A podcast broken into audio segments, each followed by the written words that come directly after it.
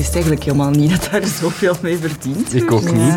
Wie nu nog zijn mond open doet, betaalt een tournee-generaal. Bon. Is de tijd van zwart geld in het amateurvoetbal voorbij? Bij het kraakpand in de Paleizenstraat in Brussel wachten nog een tweehonderdtal mensen op bussen die hen naar een opvanglocatie brengen. Die mensen willen allemaal op een bus geraken. Ik begrijp dat jullie je job doen, maar geen geweld. Waar komen alle mensen van het kraakpand in Brussel nu terecht? De vliegende objecten die zijn neergehaald in de VS zijn geen UFO's. wanted to make sure that the American people knew that, all of you knew that, because we've been hearing a lot about it. En we zien ze vliegen. Maar wat juist? Dit is in elk geval het kwartier dat passeert. Welkom, ik ben Sophie van der Donkt. Nee, ook de spelers van FC de Kampioenen gaan niet vrij uit. Nog geld van iemand. Ik zal hem direct bellen, zo moet ik niet naar de bank. Alvast bedankt, meneer Boma. Zonder dank, zegt de voorzitter, moet zijn de beste speler toch helpen, nietwaar? Ik laat iets weten, hè, papa? Er gaat nu eenmaal veel zwart geld rond in het amateurvoetbal. Dadelijk de nieuwe regels om dat te bestrijden, maar eerst toch even duidelijk maken hoeveel je dan wel kunt verdienen. De ondervoorzitter van FC Latem, Bart van de Sompelen, heeft daar een idee over. Wel, bij ons gebeurt het niet meer. Hè. Eh, Maar dat zegt iedereen natuurlijk. Maar bij ons is het echt het, eh, het geval. Maar er zijn gevallen bekend van een eh, extra nettoloon. Als je in een lokale voetbalploeg zou spelen en nog eens eh, zaalvoetbal en nog eens gaat minivoetballen bijvoorbeeld, dan eh, kan het wel makkelijk rond eh, ja, 2000, 2500 euro netto zijn en de rest die je kan verdienen per maand. Dat heeft hij dus van horen zeggen. Maar we wilden ook echt van een voetballer zelf horen hoeveel zwart geld hij verdient.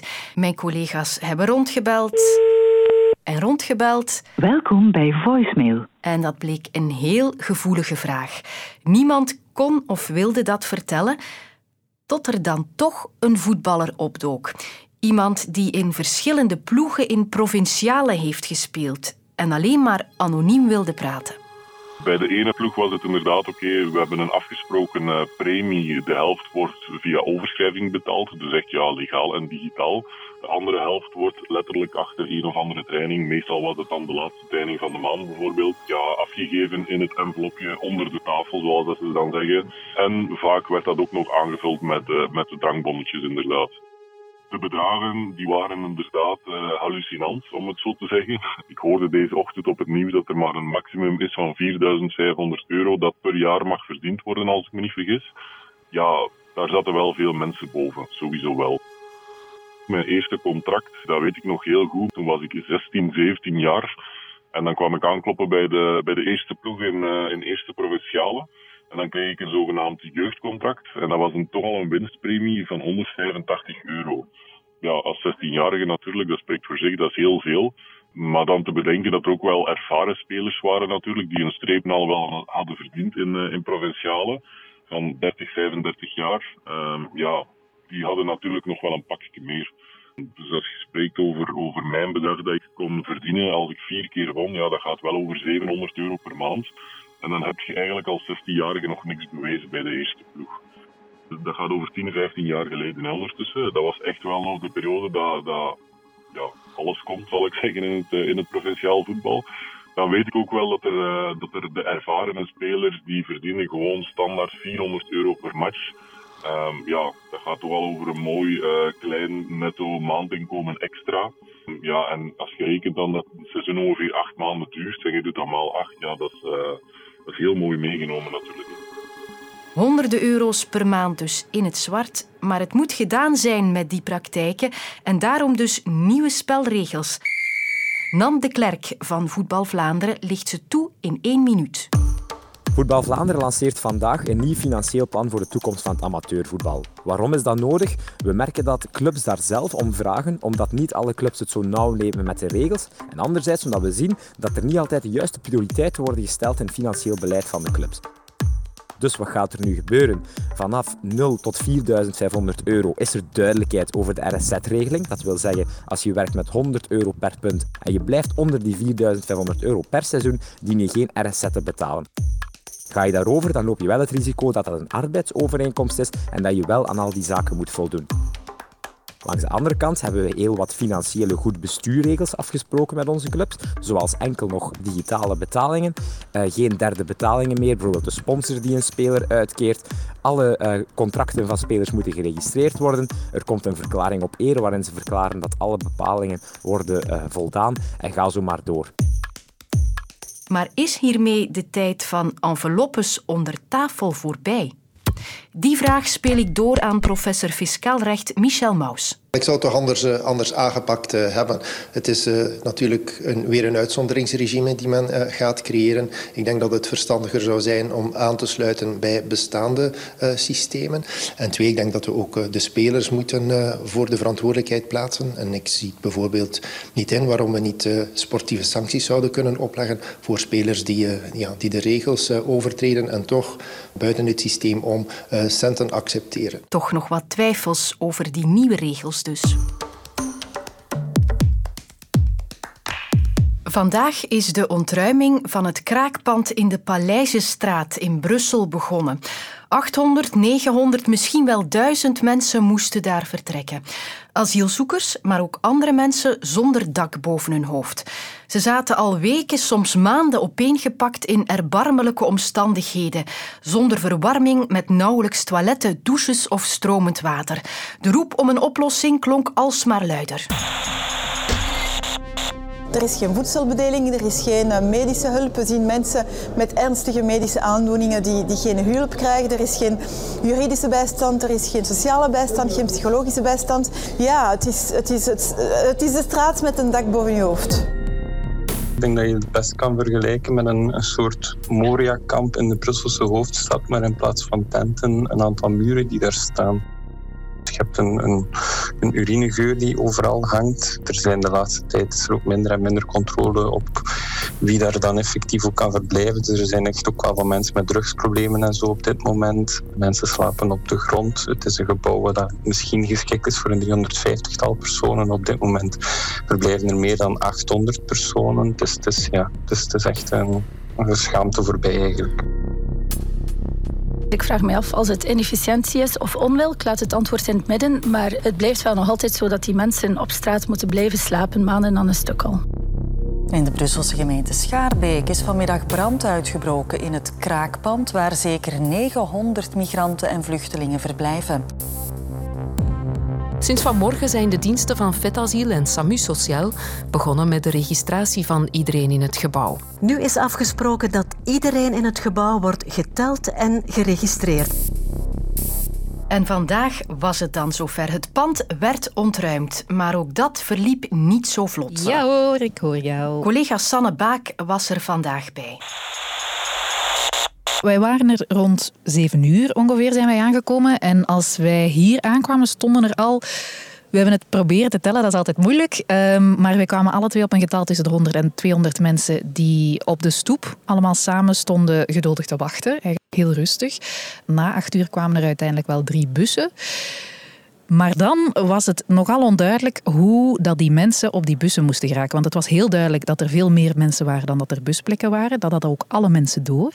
Um, dus je zag iedereen, zodra dat één bus begon te bewegen, zag je heel die menigte ook naar die plek gaan om toch zeker vooraan te kunnen zijn. En dan heeft de politie wel heel even geprobeerd om een rij te vormen, maar dat is dan niet meteen gelukt. En daar waar wel een rij werd gevormd, is dat dan toch niet uiteindelijk tot bij de bus geraakt. Dus er was wel heel wat onduidelijkheid. Zeker wanneer dan die deur open ging, dan brak echt een survival of the fittest eigenlijk los. Want dan zag je mensen echt duwen, trekken op die bus om er toch maar te geraken. Dat de politie tussen beiden moest komen.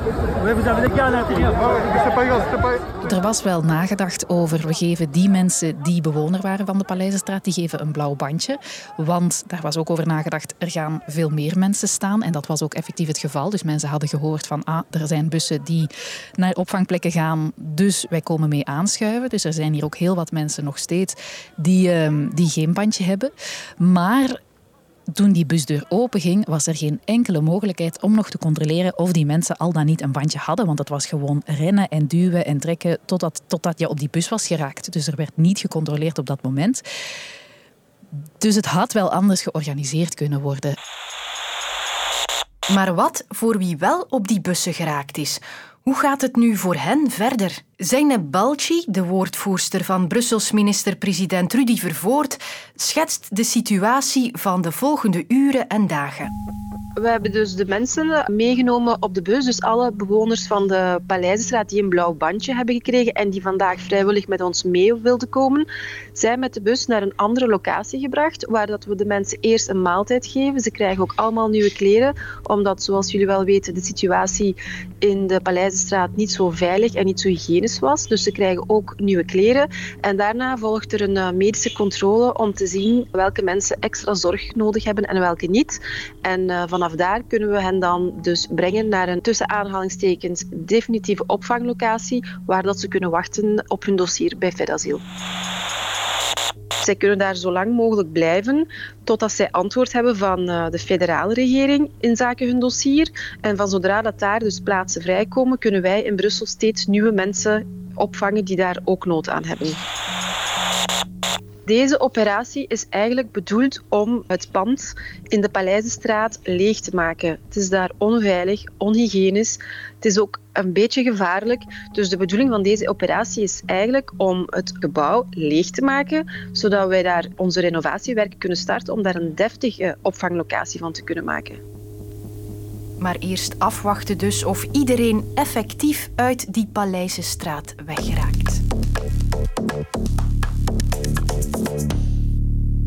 Begin februari deden we hier in het kwartier misschien een klein beetje lacherig over de mogelijke spionageballon uit China die boven Canada en de VS gesignaleerd was.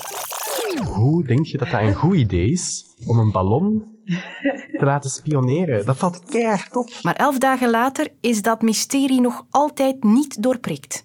Integendeel, er zijn alleen maar mysteries bijgekomen. Die ballon van begin februari is uit de lucht geschoten en de Amerikanen zijn met een vergrootglas naar hun luchtruim beginnen te kijken. En hoe meer je inzoomt, hoe meer je ziet natuurlijk. Nog drie UFO's zijn neergehaald intussen. Maar wat hebben ze daar juist uit de lucht geschoten? We just don't know. Have you ruled out aliens or extraterrestrials? And if so, why? Because that is what everyone is asking us right now. I haven't ruled out anything. Well, there is a mystery to this. Again, there is no indication of aliens or terrestrial activity with these recent takedowns. Will you tell us? I, I'm just, you know, I loved E.T., the movie, but I'm, I'm just going to leave it there. Okay? Geen aliens, niet E.T., maar op het serieuze antwoord is het dus nog wachten. En ook bij ons zien mensen onverklaarbare dingen in de lucht. Ons UFO-meldpunt zit aan 25 stuks dit jaar. Tijdens het rijden met de auto zagen we een brandend object naar beneden vallen, lijkend op een UFO. Bol naast de maan op vaste positie. Na 15 seconden valt deze bol opeens. Grote streep waargenomen richting Houthalen vanuit Hasselt. Niets gevonden wat er echt op leek. Hopelijk hebben jullie een antwoord, want wij waren onder de indruk. Voor al die ongeruste mensen is er hulp. Hallo, goedemiddag. Uh, mijn naam is Frederik de Lare en ik ben de coördinator, medeoprichter van het Belgisch UFO-meldpunt. We hebben ondertussen, ik denk, een 3500 meldingen onderzocht in de afgelopen jaren. En slechts een vijftigtal is voor ons onverklaard gebleven. We weten gewoon het antwoord niet. We gaan geen uh, wilde theorieën gaan aankondigen dat het buitenaardse wezens zijn die naar hier komen. We laten dat uh, mysterie open, zeg maar. Maar jullie spelen wel open kaart. Hè? Ik zag op jullie site dat de meldingen daar uh, gewoon op staan. Met dan een beoordeling van jullie, als jullie die al hebben. Is dat het beste om dat zo ja. te doen? Ja, dat denken we wel. We willen ook het, het, publiek gaan beter informeren over wat vliegt er nu allemaal boven onze hoofden hier.